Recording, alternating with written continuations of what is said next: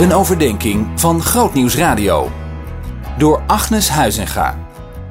In Romeinen 15 staat zo'n tekst die eigenlijk het hele evangelie in een notendop is.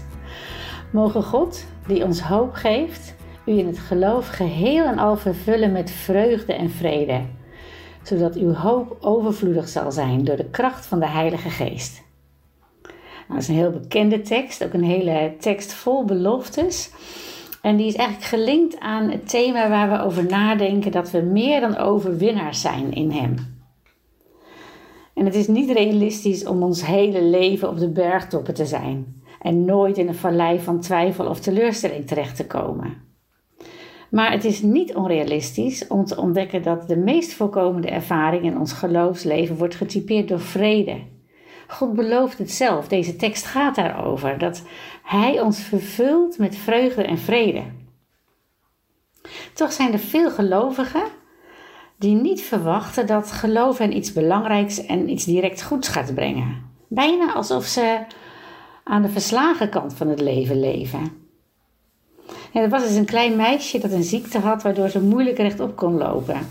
En na een nieuw soort behandeling kon ze aardig rechtop staan. En de arts die zei: Loop nu maar naar je moeder. En ze liep in het eerst, voor het eerst in jaren heel mooi rechtop naar de moeder. En toen, terwijl ze in tranen uitbarstte, viel ze in haar moeders armen en, en huilde: Oh mama, ik ben helemaal scheef.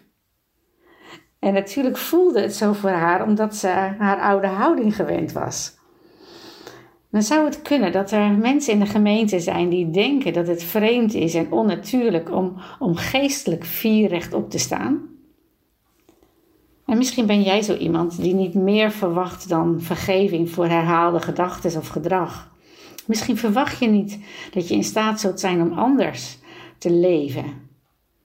En weet je, Jezus is onze verlosser en redder en we hoeven niet te verwachten dat het normaal is om verslagen te leven. De belofte van Jezus is dat we kracht en genade krijgen om zonde te overwinnen. En vergeving en innerlijke kracht zijn beide aspecten van Gods genade. Met vergeving mogen we ook innerlijke veerkracht ontvangen. weet je, je, je hoeft niet in de donkere plaats van het leven te blijven. En ook al is het met vallen en opstaan en stap voor stap door zijn geest krijgen we veerkracht om op weg te gaan in de verwachting dat Jezus ons bij de hand neemt. En dat betekent niet dat we immuun zijn voor verleiding.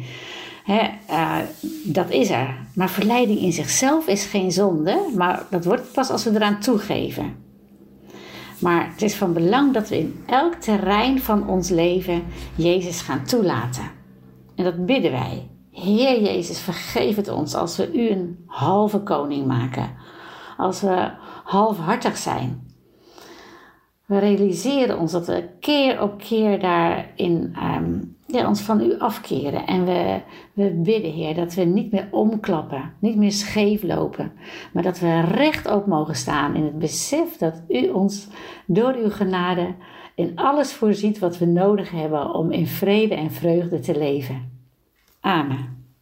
Zien in nog een podcast? Ga naar grootnieuwsradio.nl slash podcast.